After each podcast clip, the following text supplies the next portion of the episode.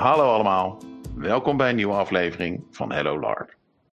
Met vandaag gastheren in de vorm van Mark en Remy. Hallo, ik ben hier nieuw bij. Er komt later wel een stukje over mij, maar ik ben vandaag niet belangrijk.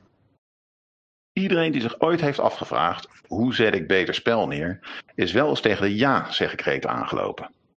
Ja is de gedachte dat als iemand jou in het spel een voorzet geeft, dat je die aanneemt en uitbreidt. En die gedachte komt uit een van die pilaren waar LARP als spel op draait, namelijk improvisatietheater. Wil je sterker staan in je spel, dan is meer kennis van improvisatie een route. En we hebben iemand die daar als acteur al een heleboel ervaring mee heeft. Uh, we zijn met tweeën, dus het applaus komt een beetje lauw over. Uh, uh, speelt even mee met z'n allen. Een warm welkom voor Danny. Dankjewel. Danny, voor de luisteraars, kan jij jezelf even kort introduceren? Um, ik ben Danny. Ik uh, larp ongeveer 15 jaar. Uh, daarnaast uh, ben ik actief in theatersport als hobby. en voor mijn werk ben ik onder andere trainer en trainingsacteur. Dus ik ben trainingsacteur bijvoorbeeld communicatie- en agressietraining of slecht nieuwsgesprektrainingen. En ik ben acteur bij Prison Escape in Breda. Hoe, hoe ben je deze fantastische hobby ooit binnengerold? Ik ben er binnengerold door een vriend. Uh, we maakten samen muziek. En uh, uiteindelijk zei hij, dat is echt wat voor jou. En toen ben ik meer weggegaan.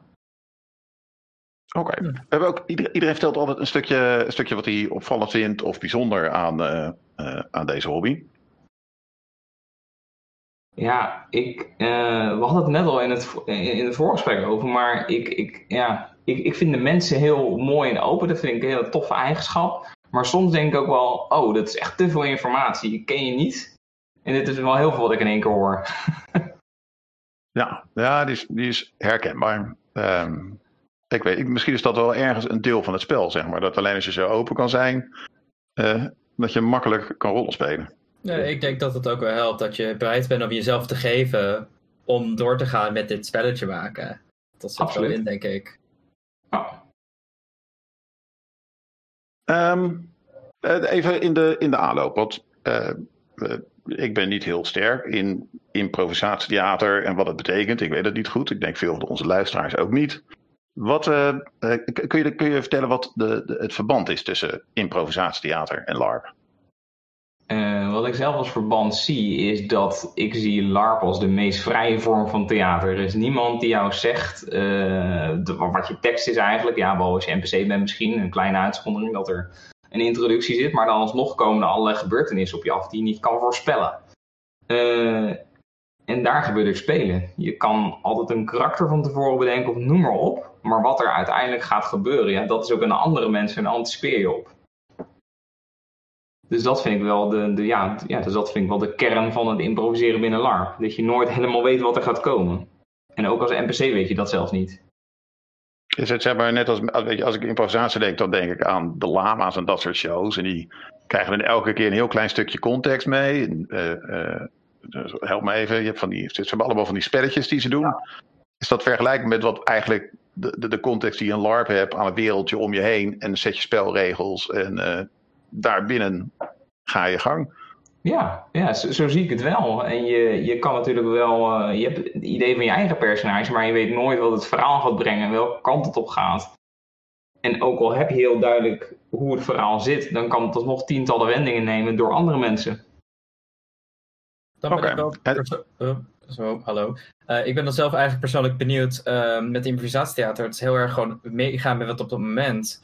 Maar is het juist belangrijk uh, dat je ook goed meeneemt wie jij bent? Want juist dat feit dat je ter plekke een personage schrijft dat moet kloppen, is toch anders dan heel veel improvisatietheater die je vaak hoort. Dat is heel erg, we doen wat nu nodig is. Al is het een beetje raar. Ja, een goede vraag. Ik denk sowieso dat het wel ligt aan wat voor soort improtheater is. Hè. Binnen improtheater heb je longform. Nou, longform, dat kan zo zijn dat je in één, één avond wel uh, twee uur lang speelt of zo. Drie uur lang in een bepaalde rol zit. Uh, maar in die korte, snelle flitsspelmomenten uh, zoals de lama's, ja, dat is natuurlijk heel kort. En dan is het binnen LARP natuurlijk veel belangrijker dat je trouw blijft aan je eigen karakter en dat je iets consistents neerzet waar mensen nog steeds aan kunnen verbinden of vanaf kunnen stoten of er iets van vinden. Wat, wat, je haalt net longvorm aan. Dat klinkt toch akelig dichtbij wat wij doen. Onze spelletjes lopen ook erg lang. Wat, wat, wat, wat is longvorm? Wat gebeurt daar? Uh, longvorm kunnen, uh, longvormen kunnen spelvormen zijn waarvan het publiek bijvoorbeeld zegt... nou, jij bent de broer van die en die... En dit is, uh, dit, ja, tenminste, zij speelt de moeder en hij speelt de vader en hij speelt de stiefzus of weet ik het wat. En dan ga je gewoon een avond lang spelen. Dus proto-Nordic LARP.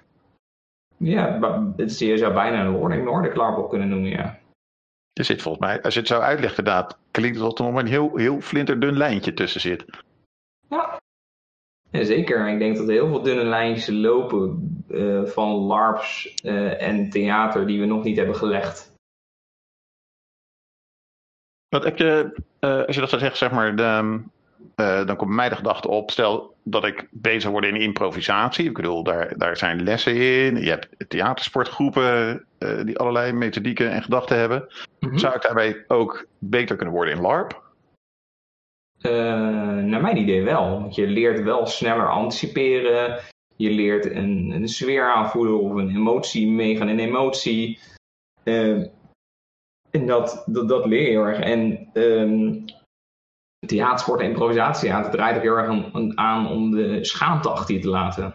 Om gewoon dat podium op te stappen en niet helemaal weten wat je gaat doen, maar het gewoon doen. En halverwege achterkomen, oké, dit is het. Ik ben dit en dit aan het doen. Ik ben een bouwvakker, ja, dat is een feit. Of ik ben een zwangere vrouw, terwijl je een man bent. Vind ik grappig, die zit, die, die zit ook in LARP. Die zit ook als. Uh, uh, ik had hem in het begin had ik hem als speler. Dat je dan denkt: oké, okay, nu moet ik wat zeggen, nu moet ik wat zeggen. Ik durf het eigenlijk niet zo goed.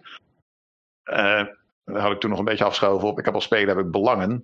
Maar ik had het als monster ook. En als spelleider heb je het ook. Zeg maar, dat je het, het, als het ware het podium oploopt. Uh, uh, iedereen naar je zit te kijken. Waar je overheen moet stappen. Ja. ja daarom toen, toen de tijd toen ik nog workshops bal, gaf. Vortex Exchanges. De beginnersworkshop zeg maar. Want deze wordt weer gedraaid gelukkig. De bootcamp. En met bootcamp begonnen we altijd met dezelfde oefening dat was het grootste leugen. En dat was een oefening waarbij je moest voorstellen. Waarbij je moest voorstellen als. Ja, hallo, ik ben Danny en ik ben voorzitter van de. Ja, ik ben voorzitter van de Frans Bauer fanclub of zo.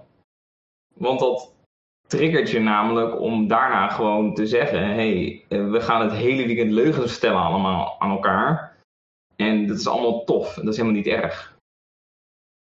En het mag belachelijk zijn of het mag raar zijn, maar zolang jij het overtuigend brengt.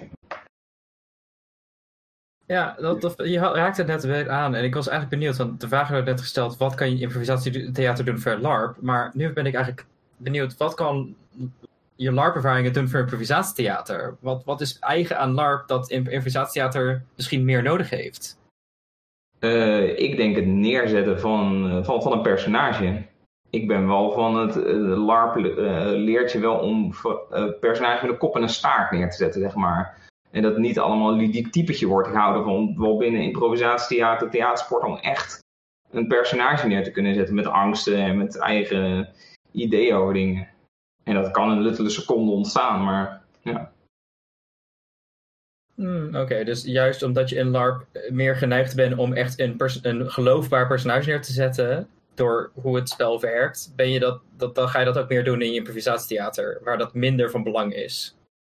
Ja, om meer ronde personages neer te zetten. Personages waar je iets van vindt. Personages waar je, denkt, oh ik wil hem knuffelen, want het is echt een fantastisch, uh, schattig persoon. Want je denkt, nou ik wil hem echt burger, want het is de meest irritante persoon op aarde ooit.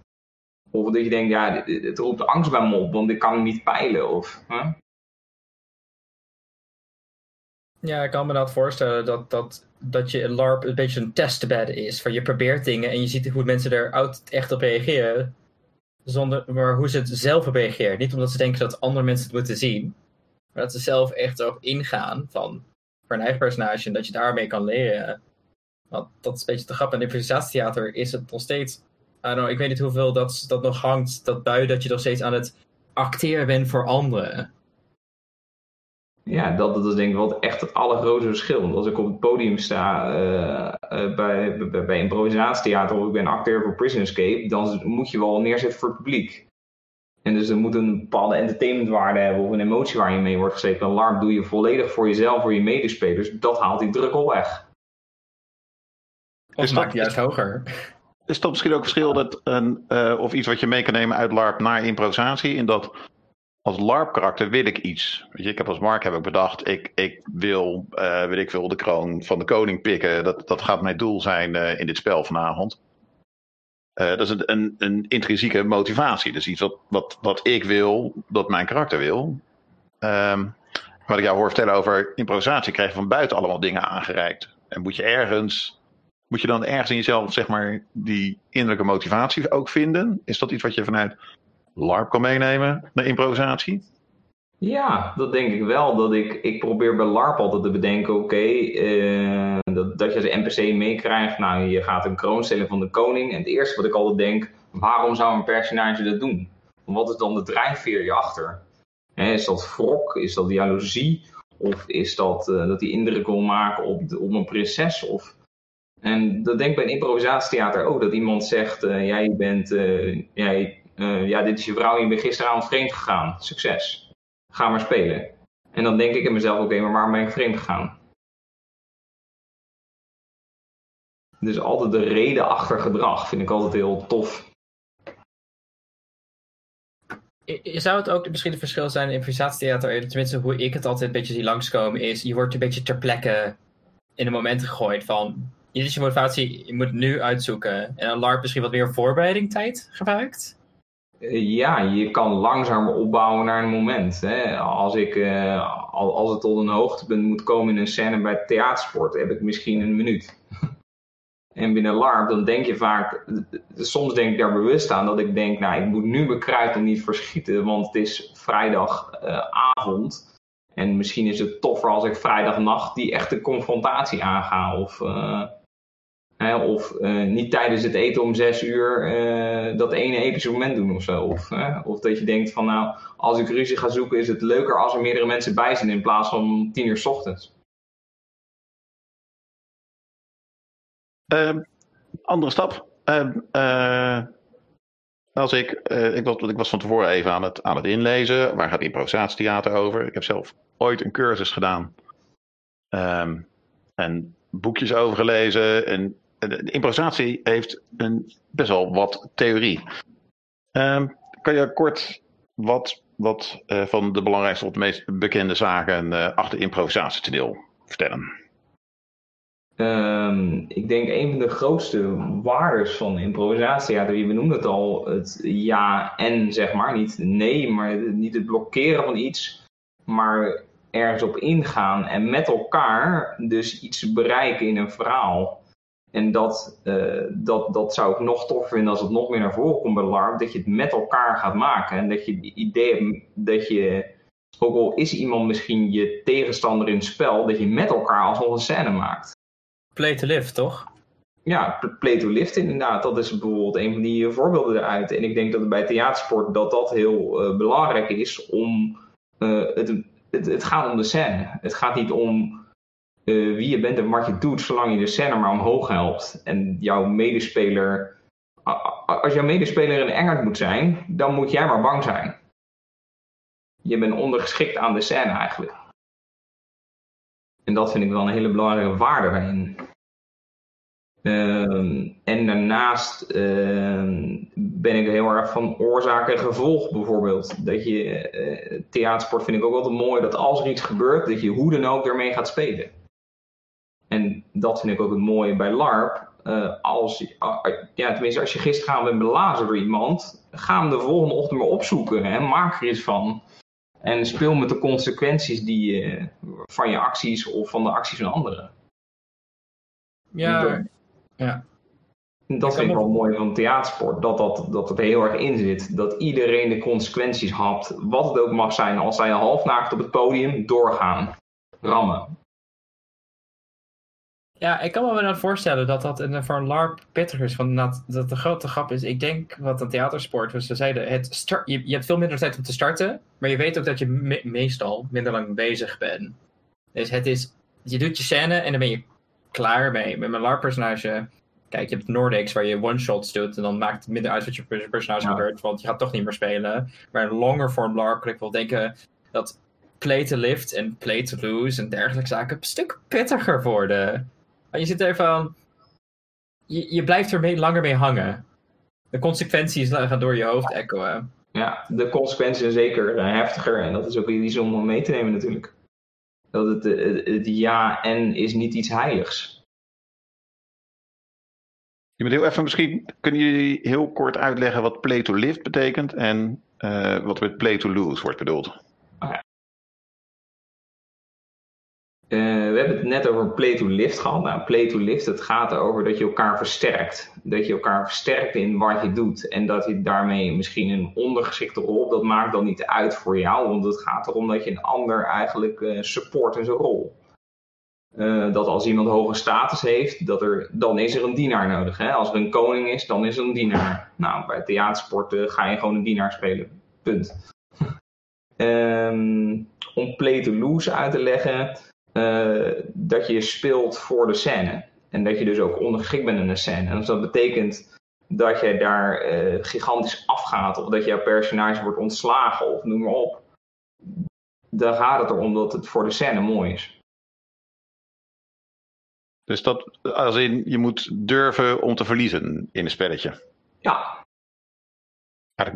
Ja, als je in de LARP wil natuurlijk allemaal de held spelen, maar dat betekent dat er ergens iemand, en het liefst niet alleen maar die, die ene keer die ene ork, eh, honderd keer achter elkaar, uh, maar dat inderdaad iemand het uh, gras eet aan het einde van de middag. Op wat voor dier dan ook. Ja, want dat, want, want, ja, ja, want dat maakt het spel mooi. Hè? De grondwaarden van theater zijn dat je een slechte rik nodig hebt en een goede rik en iemand die altijd een beetje kan switchen, zeg maar. En als er niemand de slechterik is, als er niemand de knuppelend hoen doorgooit, dan gebeurt helemaal niks. Dan zitten we gewoon op tossies te eten en bier te drinken op een, uh, op een schrale zaterdag. Nou, andersom maar. Dat ik eens. Maar ik kan me ook voorstellen dat het ook een klein beetje is, denk ik. Um, goh, moet er even nu bij komen. Zinnen zijn moeilijk. Uh, ja, nee, dat, dat was het. Uh, dat, je, dat jouw personage is in the grand scheme of things minder belangrijk dan de greater narrative. De, de, de verhaal is, er is een verhaal die verteld wordt en soms zijn er slachtoffers aan dat verhaal. En soms moet jij dat zijn. En ah. er is een verhaal groter dan jouw eigen ervaring. Ja. Ik heb er zelf ook moeite mee om dat te realiseren. Ja, ik, ik denk dat het ook wat lastiger is. Als je kijkt naar, je zei het eerder al terecht, Remy, dat je zegt van de consequenties zijn groter. En dat maakt ook dat ik ook wel eens twee keer denk voordat ik echt ja op iets heel ingrijpends voor mijn personage zeg. Of dat ik misschien hier een hele plotline mee om zeep help. Ja, dan moet ik, uh, dan moet ik voor the greater good misschien een andere keuze maken. En er zijn uh, LARP waarin hele veilige, goede sferen met elkaar, dat je het echt met elkaar doet. En er zijn LARP waar mensen meer moeite hebben met winst en verlies bijvoorbeeld. Waardoor je mensen tegen in het harnas jaagt als je een bepaalde beslissing neemt. Ook al is die binnen jouw karakter. Oké, dit zit nog in de, de lijn van oorzaak en gevolg. Je had het over ja zeggen. Heb je nog meer aan theorie en modellen?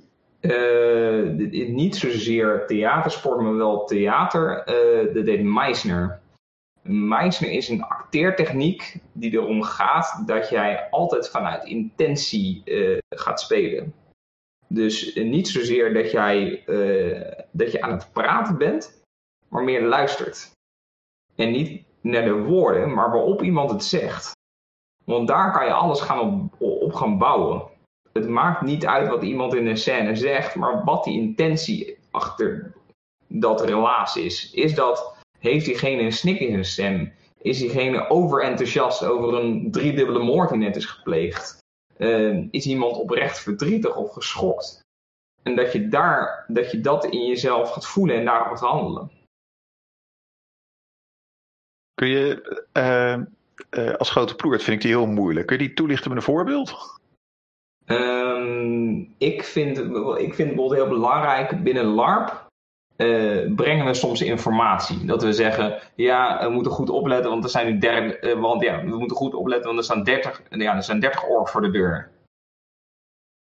En als je uit zou gaan van Meisner, dan denk je, oké, maar wat hebben die orks voor gevolgen?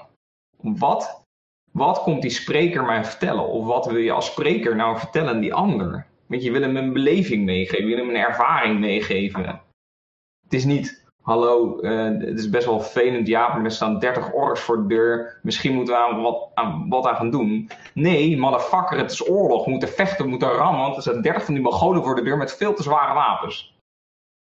Oké, als, ik het, als je het zo zegt, dan klinkt het als een, uh, als soort vervolggedachte of een voorloopgedachte eigenlijk op het ja zeggen en het oorzaak-gevolg. Je, je moet een logische volgende steen neerleggen, een logisch volgend puzzelstukje. Uh, ja, en dit puzzelstukje ligt in de, in de emotie of in de intentie waar iemand, mee, waar iemand uh, iets doet. Uh, en dat dat heel erg gaat dat je heel even bij jezelf stilstaat voordat je gaat ouwehoeren. Om eerst te denken, oké, maar wat zegt diegene nou eigenlijk echt? En wat doet het bij mij? Dat je soms denkt, dat je soms heel stil bent en dat je denkt, wat heeft dit voor gevolgen voor mijn personage, voor het huis wat hij heeft, voor de wereld van, uh, waarin we leven, of, voor mijn zus of broer of leermeester of noem maar op. Of inderdaad, waar komen 30 orks nou vredesnaam vandaan? Ja. En wat, wat, wat heeft het voor gevolgen? Want we zien, ik vind het soms uh, is, is best wel een soort standaard binnen LARP. Dat we denken, oh de nachtbuts begint, we gaan op het veld staan en we gaan rammen. Maar dat je als je vanuit Meisner gaat kijken, dan zou je eerst bij jezelf stilstaan. Oké, maar wat doet het met mij? Ik zie 30 van die zwaar bewapende, tot de tanden toe bepanserde gasten op, op het veld komen. En die zijn bereid om me helemaal de touwtiefers in te slaan en al mijn vrienden te vermoorden. Wat doet dat? En dat je vanuit die intentie gaat handelen.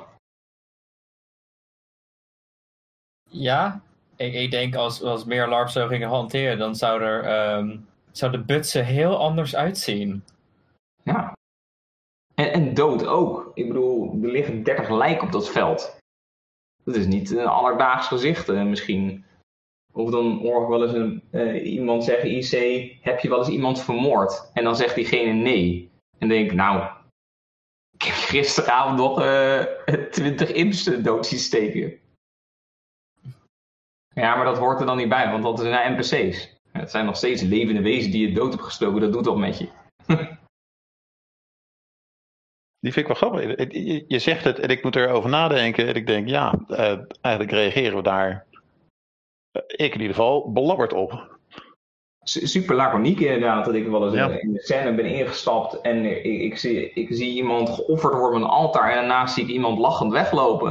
En dat ik diegene aanspreek, wat de fuck ben je aan het lachen? Er wordt hier net iemand geofferd, moet je niet wat doen? Ja, nee, ik moest net in die schappigs denken. Oké. Ja, dan, dan wil ik de confrontatie aangaan. dat, dat, ja. Het is dus eigenlijk komt het neer op de, de grotere onderwerp van inleving. Eigenlijk. Ja, het is een hele basisvorm van inleving. Uh, en dat leert Meisner ons uh, in, uh, in acteren. En dat heel erg uit die ander halen. Dat, je, dat een ander jou kan helpen om in je rol te komen. Dat een ander uh, zijn stem verft tegen jou, dan helpt dat jou om in je rol te komen. Dan helpt het om wat te voelen. Ik vind het fijn, ik heb tegenspelers nodig die met in mijn schenen leggen. Of mij intens lief hebben. Want anders is een walk in the park en voel ik het nog niet. Maar zou dit dan vallen onder play to lift? Of zou je dan onder het derde concept play to immerse uh, zetten? Ja, ik denk die laatste wel inderdaad. Dat je speelt om iemand anders in die immersie te trekken, in die beleving uh, te trekken. En dat vind ik altijd wel iets heel moois. Want je zet met elkaar een sfeer neer. Ja, want er zijn inderdaad een paar LARPs die inderdaad gewoon mensen neerzetten. Die gewoon normale dingen doen, zoals een bakker zijn. Gewoon normale zaken die jou toch wel in het setting brengen. Want ja, niet iedereen kan de, de, de barbarian hero zijn. Nee. Soms moet je mensen hebben die gewoon lijken begraven. Het kan altijd heel interessant zijn. Mensen die gewoon zeggen, ik zie dat er allemaal doden zijn. Ik ga de lijken begraven. En dan als je elke keer dat persoon bezig ziet, denk je, oh ja, zijn er heel veel doden. Ja, dat is een mooie oorzaak en gevolg. Of dat iemand een contrast neerzet bewust. Ik heb het met Mark, had ik in het voorgesprek bijvoorbeeld over. We hebben gespeeld een intense sectelarp. Nou, het was ook uh, echt best wel Noordic gericht eigenlijk. En er was de hele dag alleen maar verraad eigenlijk binnen een liefdessecte. En er gebeurden vreselijke dingen. En ik had net een moord gepleegd op zolder waar niemand van mocht weten. Er komt iemand met een heel blij gezicht de, de, de gang inlopen die zegt: De workshops beginnen zo. Want er waren allemaal boomknuffel-workshops en weet ik veel wat. Die man was er oprecht heel enthousiast over. En die speelde gewoon echt een onschuldig personage. En dat was zo'n mooi contrast dat ik daardoor voelde, als linksextremist in de liefdessecte, oh kut, ik heb wel echt iemand vermoord. En dan gaan daar dat ik me echt mensen onder lijden, want die denken dat dit nog steeds allemaal zo onschuldig is en dat dit een hele pure plek is. Waar ik net iemand in de dakgoot aan stukjes heb moeten hakken om er niks van over te laten. Dat ik net iemand zijn vader heb vermoord. Die man heeft ook kinderen. En dat zijn denk ik van die hele bittere dingen. Dat, dat uh, als je hele doodgewone dingen neerzet binnen LARP, het een hele grote waarde kan hebben. Ga maar eens aan de bakker uitleggen waarom je iemand zet te offeren op het altaar. ik vind hem, ja, hij is mooi. Uh. Ja, het was mij het goede, beste voorbeeld is als je hebt nieuwe spelers op een LARP. En wat is de introductie die mensen hebben van, hallo, ik ben hier. Hoe gaan mensen daarop reageren? Want de standaard op veel fantasy LARPs in ieder geval is dat mensen relatief nonchalant zijn over, oh ja, um, worden continu aangevallen door monsters of, you know, altijd dit en dat. En dat is misschien een beetje eigen aan de, de soort mensen en de setting. Want dat is ook zo. Er is ook continu monsters. En ja. Meeste LARPs zijn niet echt gebouwd om echt hard na te denken over de nitty-gritty van wat betekent dit om letterlijk continu belegerd te worden door alle dingen in het universum? Ik denk zeer, niet zozeer dat, natuurlijk kan spelleiding daarin helpen door iets te faciliteren, maar het ligt bij ons als spelers om dat voor ons een gevolg te geven. Als ik naar mezelf kijk binnen Fantasy LARP, dan zijn de meeste personages die ik heb inmiddels best wel verdrietige, achterdochtige personen geworden voor wat ze allemaal hebben meegemaakt. Want ik probeer het wel mee te nemen in mijn volgend handelen wat ik net heb meegemaakt. Maar eh, wacht eens even, want dan zijn eigenlijk wel een compleet genre aan het disqualificeren. Alle fancy boekjes die ik lees, daar jagen de helden ook honderden monsters over de kling. En is er niemand die zich daar nog druk over maakt. Het eindigt altijd in de kroeg met een grote tank bier en een paar sterke verhalen. Dus die, um, ik neem aan dat bij dat, het, het verhaal wat je net aanhaalt, dat je daar toch ook iets van context in moet meenemen. Uh, ja, uh, maar Meisner gaat er wel ook over dat je, uh, dat je moet durven te handelen. Dat als je iets voelt, dat je dat gaat doen. En dat als je je boos voelt over iets, dat je uit je stekker gaat. wat de consequenties ook mogen zijn. Want uh, als we allemaal aan het einde van de dag aan een pot bier gaan zitten en alles is paai en vree, dan zou Shakespeare een compleet kutverhaal zijn. Uh, kijk naar Romeo en Julia. Als de familie had gezegd, ja, tof kerel, Romeo niks mis mee. En Julia, lekker trouwen meisje, alles komt goed. Dan hadden het een gigantisch saai verhaal geweest. Had het geen bestseller geweest. Nee, inderdaad. Dat, dat is een beetje ook volgens mij wat heel belangrijk is met dit. Is de verwachting van iedereen van wat voor sfeer willen wij neerzetten. Ja. Je kan, want inderdaad, je, er zijn LARPs waar mensen zich super gritty dat doen. En wat, dat willen ze, dat verwachten ze. Maar er zijn genoeg evenementen waar het juist is van wij willen de, de, de, um, de machtige uh, mensen, de Skyrim-achtige wij zijn hier, wij moorden alles en niemand gaat al te veel vragen stellen over waar al deze lijken vandaan komen. Nee, ik, ik, ik, uh, om, om, het wat te nuanceren, want ik ben het wel met Mark eens. Uh, natuurlijk moet er ook zijn dat je een gezellig moment hebt, dat je het even kan ontladen. En dat iedereen komt, denk ik, om uh, voor een andere reden om een LARP. De ene komt voor het verhaal en de ander komt misschien voor het vechten. De ander komt voor een gezellig weekend met zijn vrienden. En dat vind ik ook allemaal prima. Dat mag allemaal uh, zijn. En dat is alleen maar leuk. Ik kan er alleen maar van genieten als iemand uh, aan het kampvuur uh, iets, iets zit te naaien of bezig is met het eten of zo. Ik heb het geduld niet voor. Ik wil de hele tijd alle dingen beleven en spelen. En met heel veel mensen interacteren op een veld of in een bos rennen. Maar ik vind dat een hele grote waarde hebben ook bijvoorbeeld. Hmm. Het hoeft dus, niet allemaal meeslepend drama te zijn. Dat, uh, dat, dat ook weer niet. Maar ik ben wel, uh, ik ben wel, ja, ik ben wel, ik ben wel, denk ik, een hele felle predikant van uh, meer inleving en meer uh, drama, zeg maar. als ik dit een beetje goed moet opzommen, is dat je kan play to live doen, maar dat hoeft niet per se direct in proactief te zijn. Dat kan ook al een beetje indirect die persoon aan de andere kant van de ruimte die zo'n zijn ding doet. En daardoor jou meeneemt. Ja. Eh, ik, ik vind het altijd wel leuk om een personage te schrijven wat diverse kanten heeft. Dat het aan de ene kant mensen omhoog kan helpen. En aan de andere kant ook echt mensen gigantisch kan, uh, kan naaien, zeg maar. Dat er dat, dat al mijn personages probeer ik zo te bouwen dat iedereen iets anders op kan roepen. Dat het misschien voor de ene beste vriend is en voor de ander de, de, de grootste angst of zo.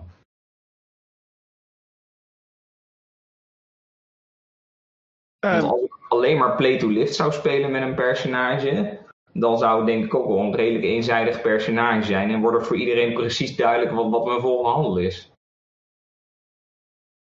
Ik, ik, ik, ik, ik speel bijvoorbeeld een good guy op een Fabion. Nou, dat is niet voor alle mensen een good guy, kan ik je zeggen. Maar het is intrinsiek een, een, een goedaardige man met veel geduld en empathie en alle mensen helpen. Maar ik krijg hem tegen je en het is een ander verhaal. Ik kan me ook voorstellen dat als je alleen maar play to doet, dat je sowieso een, een plat karakter krijgt. Als je alleen maar aan het uitdelen bent en geen eigen eigen wensen, eigen wil meer hebt. Ja.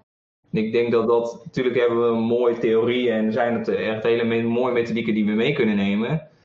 Uh, maar, uiteindelijk is het ook mooi als je een mooie rond personage kan neerzetten, wat, wat kloppende beslissingen neemt. Want als we allemaal meta-beslissingen neemt, eh, als we allemaal meta-beslissingen nemen op basis van wat zou leuk zijn voor deze scène, of wat zou leuk zijn voor dit plot, dan krijg je best een hele onlogische personagebeslissingen soms. Nou, dat vind ik ook weer niet, uh, niet, niet helemaal. Dat vind ik ook geen recht doen aan mijn personage. Het, het, volgens mij het klinkt als mate in alles uiteindelijk. Ja, zeker. We hadden uh, normaal dan bedenken maar wat met de afleveringen opnemen. Maar nu uh, had jij heel fijn op de LARP Nederland Facebookgroep vragen gesteld. Van jong, wat, wat zijn zaken die behandeld nog we hebben rondom thema improvisatie? Mm en daar hebben we een aantal vragen van gestolen.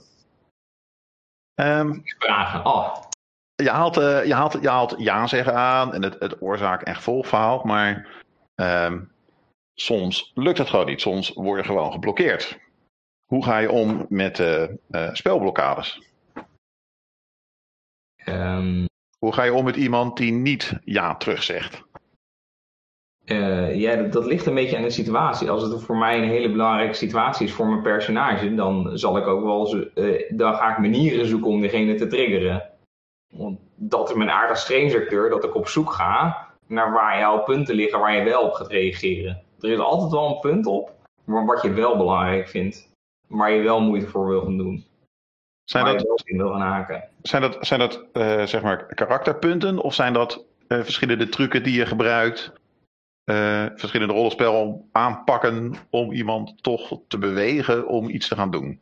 Ja, want en, en het, het, ik bouw mijn personage zo dat het soms ook wel zo erin zit. Maar als het niet werkt op de, hey, ik heb je vriendelijk gevraagd, dan moet ik je misschien wel manipuleren. Of dan moet ik misschien wel, wel gaan bedreigen. Of dan moet ik misschien maar je vrienden erbij halen die jou wel gaan overtuigen. Of, um, maar ja, aan de andere kant, als iemand OC echt niet uh, bij macht is om hierop te reageren, dan laat ik het ook wel voor wat het is. Want het kost mij energie. Het is ook vervelend voor die ander.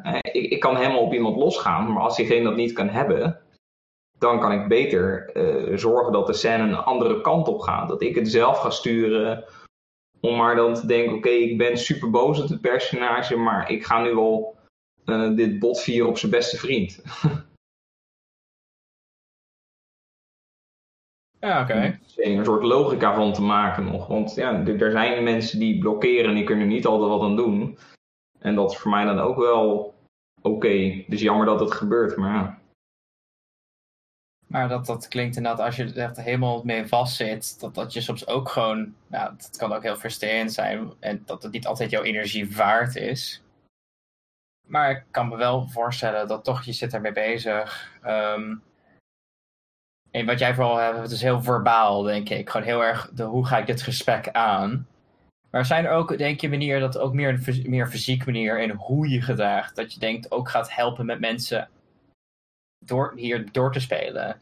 Want heel veel mensen zijn heel bezig met wat ze aan het zeggen zijn, maar niet hoe ze zeggen zijn, hoe ze staan, et cetera, et cetera.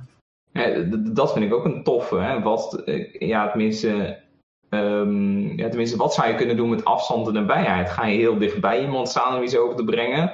Of ga je rustig achterover zitten, uh, kauwend op je appel bij het uh, kampvuur en dan zijn we rustig stellen die je vrienden gaat doodmaken vanavond? Dat doet ook wat. Want dat we acteren betekent niet dat als iemand bedrijft dat er iemand in zijn gezicht vol schreeuwt met speeksel. Sowieso in deze tijd zou ik het afraden. Um, het schijnt een probleem van te komen. Uh, maar dat, dat, kan je ook op zoveel andere manieren doen. En dat vind ik inderdaad wel tof om een houding daarvoor te gebruiken. Om gewoon heel rustig met een biertje gewoon achterover te gaan zitten en gewoon eh, ook, ook gewoon stom stil te laten vallen om te kijken waar die ander op gaat inhaken. Die vind ik wel zo. Houding, stiltes, eh, stem, intonatie. Hebben we er zo nog een paar? Um, ja, ik, ik, ik vind proberen een sfeer neer te zetten, zeg maar. En een, uh, en een moment waarop het gebeurt. Uh, dat als er meerdere mensen bij zijn, kan het interessanter worden. Of juist iemand erbij te betrekken. En ook de positie ervan of zo. Dat het een dreigement komt beter over een donker hoekje. Ik, ik hou van donkere nisjes. Als we het hebben over een binnenlocatie, geef me alsjeblieft een locatie met heel veel nisjes. Want dan kan je zwiespelen, daar kan je iemand de dood bedreigen, daar kan je iemand stiekem de liefde verklaren, daar gebeurt iets. Ik ben wel benieuwd eigenlijk, want juist in, in improvisatietheater ben je echt heel actief naar elkaar opletten van hoe kan ik, wat kan ik ermee doen. Heb je het idee dat mensen in LARP op een andere manier ingaan op wat ze zien en horen? Hebben ze gewoon daar minder focus voor, denk je, of juist meer op een, op een andere manier? Dat is een goede vraag. Ik denk dat het moeilijk te bepalen is, omdat we binnen LARP zoveel verschillende intenties hebben om naar zo'n LARP-weekend te komen. Uh, dat iedereen reageert op een eigen manier, ook omdat hoe ze het spelletje zien. Als iemand komt voor een gezellig weekend en om met vrienden wat te drinken, dan zitten ze niet te wachten op mijn drama en dat ik je allerlei vreselijke voorstellen ga doen of de liefde ga verklaren. Nee, dan wil je gewoon lekker, eh, dan ga je keuzes maken op wat jij zoekt binnen LARP. Dus als je, dus als je uit het probleem wil blijven en een biertje wil gaan drinken met je vrienden, hmm. ja, dan ga je dat gesprek niet met mij aan. snap ik.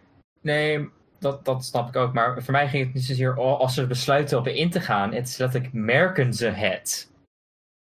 Ik weet niet als alle LARPers even goed zijn of even goed getraind zijn in dat oppakken.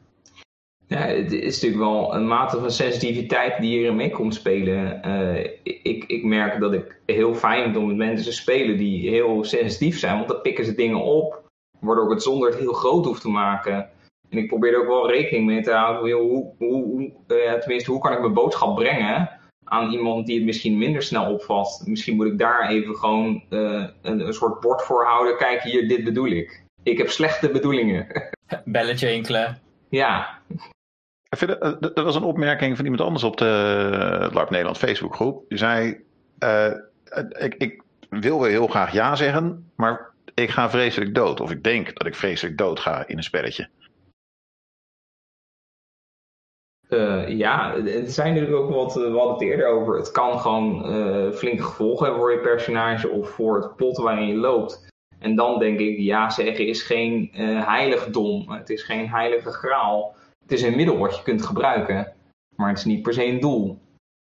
En ik heb ook wel eens momenten die ik aan me voorbij laat gaan. Dat ik denk, ja, dan als ik deze avond hier aan dit ontzettend lullige scène sterf dan heb ik niks in die epische scène van vanavond. Dan gaat dat plot misschien wel echt dood. Of een personage waar ik er vijf jaar mee speel. Uh, ja, daar ga je ook wel anders mee om hoor. Dat, is wel, dat vind ik wel grappig, want het is wel. Um, uh, dat zijn buitenspelse overwegingen. Ik ben het helemaal met je eens. Ik, ik, ik ben dol op knalscènes en ik, ik wurm me overal doorheen en overuit als nodig is. Als ik denk dat ik daar later iets spectaculairs mee bereik. Maar dat zijn dat, dat vinden we een beetje vies, maar dat is een buitenspelse overweging. Ja, en ik denk dat dat ook niet erg is. Ik denk dat we heel veel buitenspelse overwegingen hebben binnen LARP. En zeker als je een niet al te intensieve LARP hebt, tenminste, het is niet om het te disqualificeren, maar als je bijvoorbeeld een Nordic LARP hebt, dat is vaak heel intensief. En dan zit je er zo in dat op een gegeven moment jouw eigen drijfveren wat op de achtergrond raken. Want dan zit je zo in je personage. Ja, ik, ik, het is misschien een gewoonte van, je, je, bent, je, wilt een, je wilt een verhaal vertellen, maar omdat er zoveel verschillende verhalen zijn, is het soms het ordening moeilijk. Ja, en je hebt ook wel eens dat je in een, er was ook bijvoorbeeld een vraag hè, van, wat kan ik doen als ik in een scène terechtkom, die eigenlijk ben gestart, maar je uiteindelijk denkt van, ja, dit, dit, dit schiet voor mijn personage niet op, dit schiet voor de sfeer niet op. Uh, dat, dat heb natuurlijk ook wel eens dat je ja zou willen zeggen tegen een scène. Maar dat je denkt, ja, eh, ik, ik, ik zou vanavond op de meest eh, dramatische kweeste ooit gaan. Want ik ga iemand zijn, uh, zijn ontvoerde vader proberen te redden. Terwijl ik hier met een een of andere gekke clown zit die verhoord moet worden voor een een of andere misdaad dat hij een appel heeft gestolen. Ja, dan ga ik er ook wel proberen me onderuit te lullen. Of een, iemand anders daarmee aan het werk te zetten. Of mensen bij te betrekken om dit, ja, om hier, uh, om iets mee te doen. En dat is eigenlijk geen, uh, eigenlijk geen blokkade. Want ja zeggen betekent dat je het doet met het aanbod. Betekent niet dat je zegt, natuurlijk loop ik dat donkere bosje met je in. Het kan ook zeggen, hé, hey, je wil een donker bosje met me in, maar waarom wil je dat? Dat is ook ja zeggen. Ja zeggen op het aanbod, niet per se op uh, je denkt meer, tenminste jagers op het spel, maar niet op het inhoudelijke aanbod. Eigenlijk zeg hetzelfde als, uh, uh, als net, weet je, het, uitgangspunt was uh, een scène waar je eigenlijk geen trek in hebt, hoe wurm je er toch uit? Ehm, maar je zegt dus, neem het aan, doe er iets mee, ook al is dat niet direct de intentie van, van de andere partij. Uh, die snap ik eigenlijk wel. Want die ligt nog steeds in de, de geest van het ja zeggen en de oorzaak vol, et cetera. De zaken die je net aanhaalde. Ja, want het spel kan nog steeds doorlopen. Het spel kan nog steeds doorlopen als iemand een vreselijk uh, aanbod doet. En hij gaat zeggen, ja, ik wil dat je die en die gaat afluisteren. En dat is totaal tegen al je principes van je kerk in. Dan kun je door nee te zeggen wel zijn spelaanbod serieus nemen. Omdat je hem gewoon voor ons uh, gaat ondervragen. Waarom doe je dat? Waarom zou ik dat doen? waarom zou ik iemand af gaan luisteren? Dat wil ik niet. Ik ben niet zo'n geheimzinnig persoon. Ik, ik, ik, dat is een beetje een gerelateerd fenomeen hierbij. Uh, dat ik heel uh, een beetje ervaring mee heb. Is, uh, ik heb meegemaakt in uh, Duitsland. The Oh Mother. Dat, dat, als, je het, als je het kent. Het, yeah. het, het, idee van, hey, dit situatie waar we nu in zitten, heb ik moeite mee vaak voor OC heen van ik zit ook comfortabel, ik zou graag wat water willen. zeg je, oh moeder, ta ta ta ta ta ta. En dat daarmee geef je aan, hey jongens, ik zit hier een beetje te, te, te onhandig te doen. En kan, wilt iemand hier instappen, mij even helpen, zonder het OC te hoeven zeggen? Ik denk dat, ik zit te denken dat daar misschien wel best wel ruimte voor zou kunnen zijn in LARP om dat een beetje goed te kunnen aangeven van, hey, help, want dat is dus een spelregel, begrijp ik. Uh, dat is een, uh, het is op sommige LARPs is dit echt een spelregel dat Oh Mother, bijvoorbeeld Oh Mother, I don't want to be a guard all night. Dat is gewoon ik, die, jij die zegt als in karakter, hey, ik, heb, ik ga dit echt niet trekken jongens. dan gaat iemand een reden verzinnen omdat dat niet meer hoeft. De consequenties komen nog wel. Maar op dat moment heb jij even een, een free pass om niet dat te doen. Of wat dan ook. En dat is door natuurlijk gevraagd zegt, maak je geen misbruik van. Maar dat is met heel veel dingen LARP.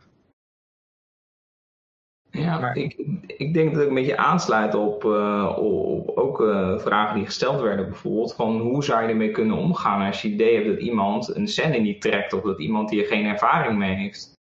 Uh, probeer ik mezelf altijd voor te houden om even proberen een situatie te lezen. Gaat diegene trekken wat, ik, wat voor spelaanbod ik hem ga doen?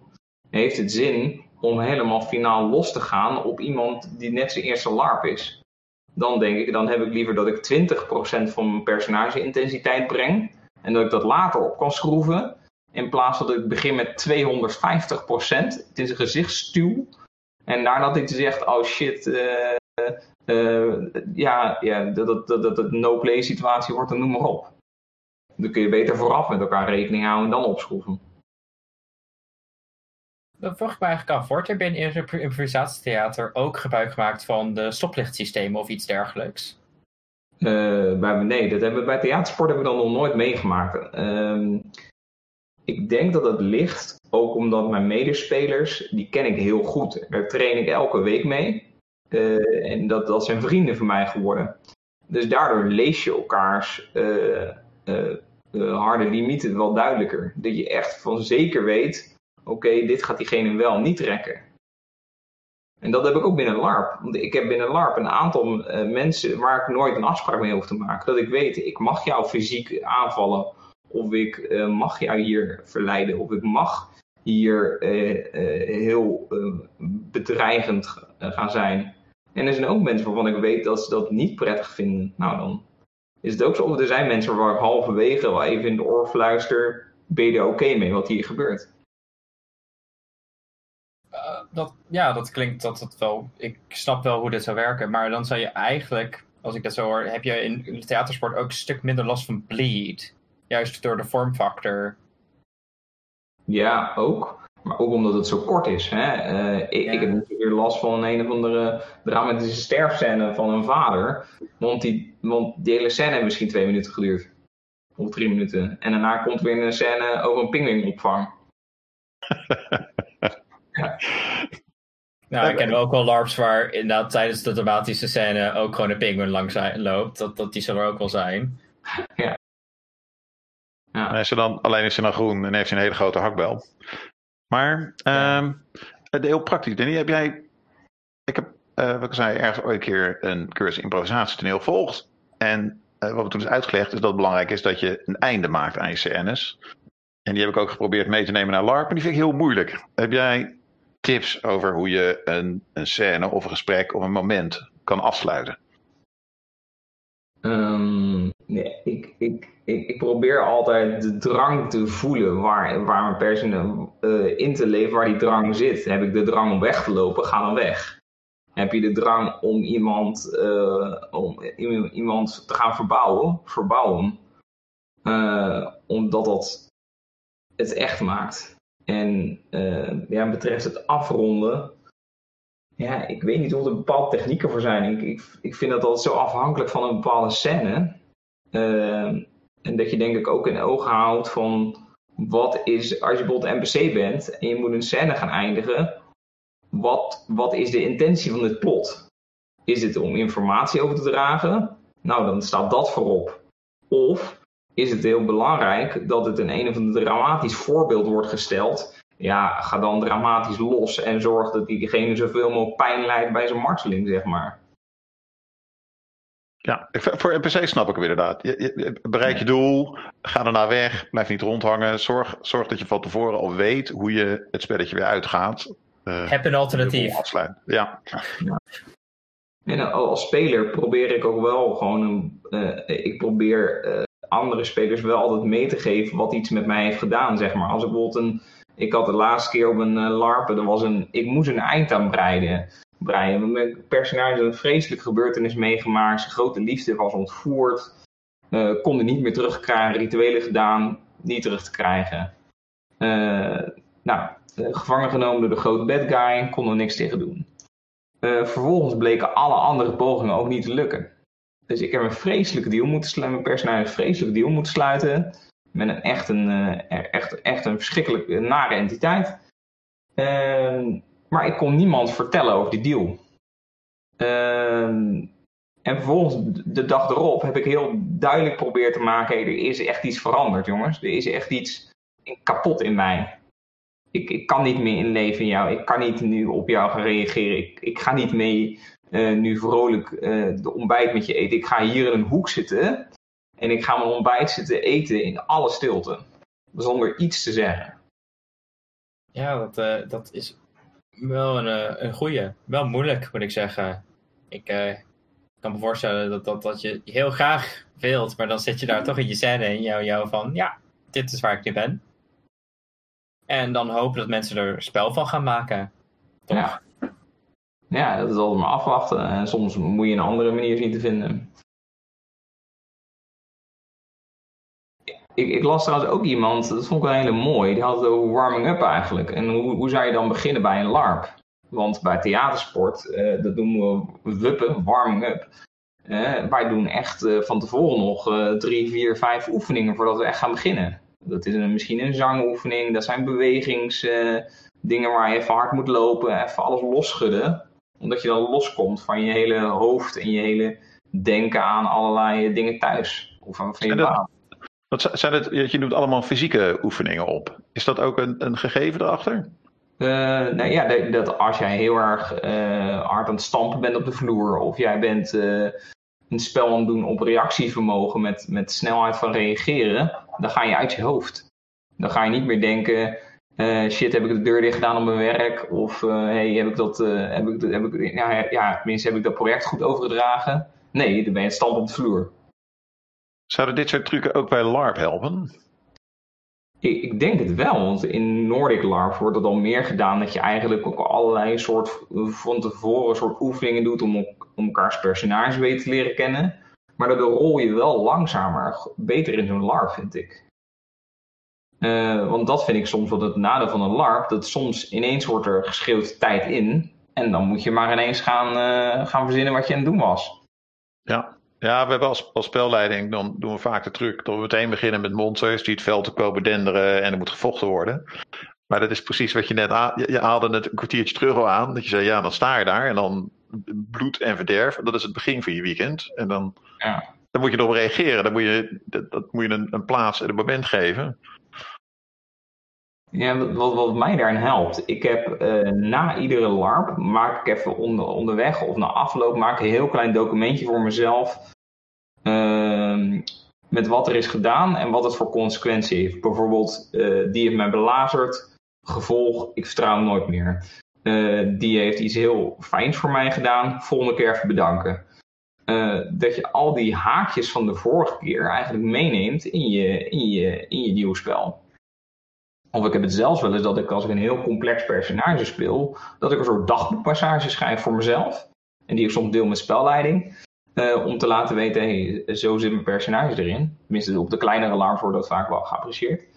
Uh, maar ook voor mezelf, dat als ik hem teruglees en denk, oh, zo voelde dat verraad. Of hey, zo voelde die openbaring van liefde op die avond. Want als je dat allemaal koud moet terughalen, is dat echt wel lastig. Oké, dat vind ik een goede tip. Daar heb ik nog niet even nagedacht. Die vind ik heel leuk. Dus inderdaad, dat je over het veld. Ik heb in ieder geval dat ik over het veld loop en denk: oh ja, ik moest wat met hem. Hoe zat het ook alweer? Ik weet het niet meer. Ja. Als ik vlak voor het evenement nog even mijn documentje kan doorlezen en uh, terug kan halen: dit is wat ik dit evenement moet gaan doen. Deze mensen moet ik zo snel mogelijk aanspreken. Dat vind ik een hele aardige. En wat, wat voor mij een soort warming-up is ook, ik doe vaak mijn, uh, mijn kostuum echt pas aan 10 minuten van tevoren. Nou, als ik een heel groot kostuum dan misschien langer van tevoren. Maar dan maak je meer de transitie van Danny is die kerel die in zijn overhemd is binnengekomen in zijn nette schoenen. Eh, van, hey, ik heb een uh, woest pak aan, ik heb allerlei veren en uh, bloed in mijn gezicht en noem maar op. Dus nu is dat personage is, hier begonnen. Dus het is een soort transitieritueel, zeg maar. Die doe ik ook. Dat ik uh, zeker bij, uh, bij Vortex Adventures. Ik zorg ervoor dat ik eerst gegeten heb. En mijn tent staat en alles is opgeruimd. En dan een kwartier voordat het spel begint, ga ik mijn tent in. En dan kom ik er in mijn pakje uit. Ja, want het is namelijk iets uh, psychologisch bewezen ook. Dat als jij bepaalde handelingen doet, dan wordt je handeling in je hersenen gekoppeld aan een bepaalde denkwijze. En dat helpt hier erg in. En het, het, dat is dan een stukje voorbereiding.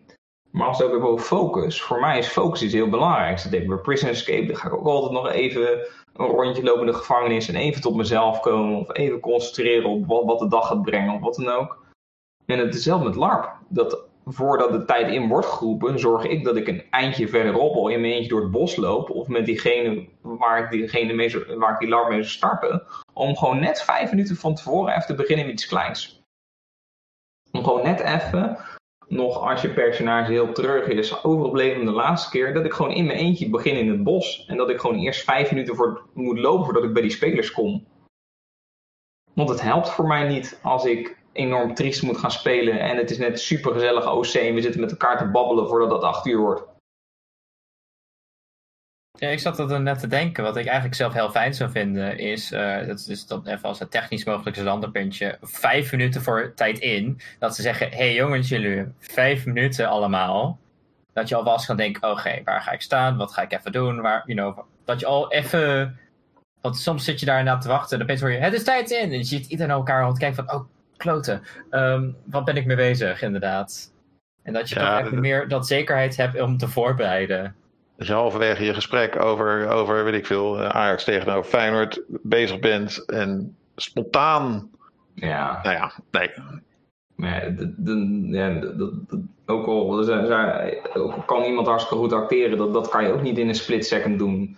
Je hebt er concentratie voor nodig en, dat ga, en je gaat je personage steeds meer uitbreiden. Het begint bij, je, bij jezelf en later ga je je cirkel uitbreiden van wat je uitstraalt en wat je aan het doen bent. Je zag het heel duidelijk bij, uh, bij Weerwolf. Dan veegden we de hele zaal leeg. Dan werd iedereen eruit geknikkerd. En dan kon iedereen één voor één binnenkomen. En dan zag dat spelers die binnenkwamen als karakter, die gingen dan ergens iets doen uh, voor hun karakter. Weet je, ze zoeken nog niet meteen elkaar op. Er wordt nog niet geschild. Maar mensen gaan in een hoekje zitten. De shaman die zet zijn lege bierblikjes neer. Die gaat mediteren. En de krijger die gaat met zijn, grote, zijn grote zwaard staan spelen om een beetje erin te kruipen, je, je karakterjas aan te trekken, zeg maar. Ja, ik vind het heel erg helpend. En Fabian, die bijvoorbeeld iedereen begint in de ochtend met een ochtendritueel als magier en een ochtendgebed als priester. En dat moet je doen om je mana te krijgen. En dat betekent dat iedereen zo zijn ochtend begint. Iedereen heeft een standaard opstart en dat helpt ook OC. Dat is wel een leuk idee. Ik, ik vind dat wel wat hebben eigenlijk. In plaats van de, ja, ik heb zes uur geslapen, dus mijn magie is teruggekomen. Nee. Nee, nou, ik heb, nee, ik heb vanochtend heb ik even um, een babbeltje gedaan met God en uh, nu kunnen we weer. Ja. Ik heb een heel rustig personage. Dan helpt het mij om gewoon in de zon te gaan zitten mediteren. Nou, ik kan niet echt mediteren hoor. Maar ga ik gewoon in de zon zitten en kleermaken zitten, ga ik me gewoon heel diep concentreren. En dan kom er daadwerkelijk kalmer uit. dus hé, hey, het helpt voor mijn personage.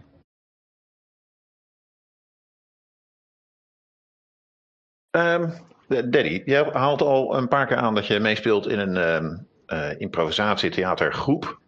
Stel nou dat, uh, dat mensen zich geïnspireerd voelen door uh, jouw verhaal hier. Hoe kunnen ze iets met improvisatie doen? Zijn er, zijn er cursussen voor? Kan je, wordt die gegeven door die groepen? Hoe, hoe, hoe, hoe kom je hierin? Ja, er zijn heel veel theatersportgroepen in Nederland. Hè. Als je theatersport zou willen spelen, dat variant er zijn heel veel groepen. In elke woonplaats is er wel een groep. Uh, die hebben ook wel een Facebookpagina. Dus stuur ze een berichtje om te kijken of je er misschien bij kan. Misschien een keertje mee kan komen trainen. En er zijn uh, diverse genootschappen die ook wel trainingen organiseren. Maar kan ik gewoon als, als LARP leek naar, een, uh, naar zo'n theatersportgroep schrijven? Ja hoor. Ja, je hoeft er geen opleiding voor te hebben gedaan in theater of allerlei spectaculaire kunsten erin hebben gedaan. Je kan gewoon denken, hé, hey, dit lijkt me leuk, ik wil meedoen. Uh, het, hangt natuurlijk wel vanaf, het is een beetje vooronderzoek. Hè? Als jij een hele nieuwe LARPer bent die doet mee aan de meest epische, meest moeilijke, dramatische long, uh, Nordic LARP ooit, ja, dat moet je ook niet gaan doen. Er zijn bepaalde theatersportgroepen die zijn ook te hoog voor mijn niveau. Waarvan ik denk, nou, dan doe ik een goed voorwerk en dan weet ik in ieder geval hoe ze spelen. Wat, die, speelt al boven een pet is, ja, dan moet je niet daar aansluiten. Het theatersport speelt dat zich altijd af voor publiek? Ja, eigenlijk wel, maar er zijn ook groepen die. Nee, je traint sowieso meer dan dat je speelt. Ik, ik, ik, train wekelijks. Tenminste, nu niet, maar hè, toen de goede oude tijd, toen train ik nog wekelijks. En uh, voorstellingen misschien uh, vier, vijf keer per jaar of meer. Maar er zijn ook groepen die gewoon heel veel trainen en veel minder spelen of bijna niet. Uh, dan vroeg ik me wel af van, ja, je moet dan naar zo'n plek toe gaan. Dat gaat op dit exact moment niet zo makkelijk worden. Zijn er ook online al mogelijkheden voor improvisatietheater? Ehm, ik weet wel dat er, uh, dat er dit soort mogelijkheden zijn. Ik doe ze zelf niet, want ik vind acteren via uh, digitale platformen vind ik een stuk lastiger. En zeker improvisatietheater, het helpt om te bewegen. Het helpt om te gaan samen te gaan doen en te gaan voelen waar je mee bezig bent. En als ik niet daadwerkelijk in je ogen kan kijken, kan ik ook niet helemaal inschatten wat er in je leeft. Dat is via een schermpje bijna onnoemelijk niet te doen. Zit er nog een verschil in het spelen voor een publiek tegenover uh, zeg het, het, het neerzetten van een groot ritueel voor 100 LARP-spelers? Uh, nou, het helpt voor mij wel om die achtergrond te hebben. Ik heb jaren bijvoorbeeld festivals gepresenteerd en ik heb vroeger in mijn jonge jaren Nederlandstalig gerept en daar optredens mee gedaan. Dus als je mij in een rituele cirkel zet, ik ga wel los, want ik ben gewend aan dat dat een, een, een, een comfortabele plek is voor mij. Uh, maar wat het verschil is, ja, uh, ik, een ritueel moet je met zoveel meer dingen rekening houden. Want het is niet een, een entertainment factor, maar er moet ook een duidelijke symboliek in zitten. Wat ervoor gaat zorgen dat spelleiding denkt, oké, dit ritueel is geslaagd. Of uh, je moet ook nadenken hoeveel rituele punten erin gaan. En dat is natuurlijk wel in mijn gedachten heb ik er geen enkel probleem mee om stuiterend in mijn ondergoed door de rituele cirkel van een of andere grote LARP te gaan. Maar voor een publiek theatersport te doen, denk ik, oh jee, ah, maar, ik sterf liever nu. ja, ja, dat, ja. Het is per persoon heel verschillend, denk ik inderdaad. Maar ik kan wel iets beworstelen. Ja. Ik denk voor een LARP, iedereen weet waar je op dat moment mee bezig bent met elkaar. Hey Danny, ehm, we hadden nog één openstaande vraag vanuit, die, uh, vanuit Facebookgroep.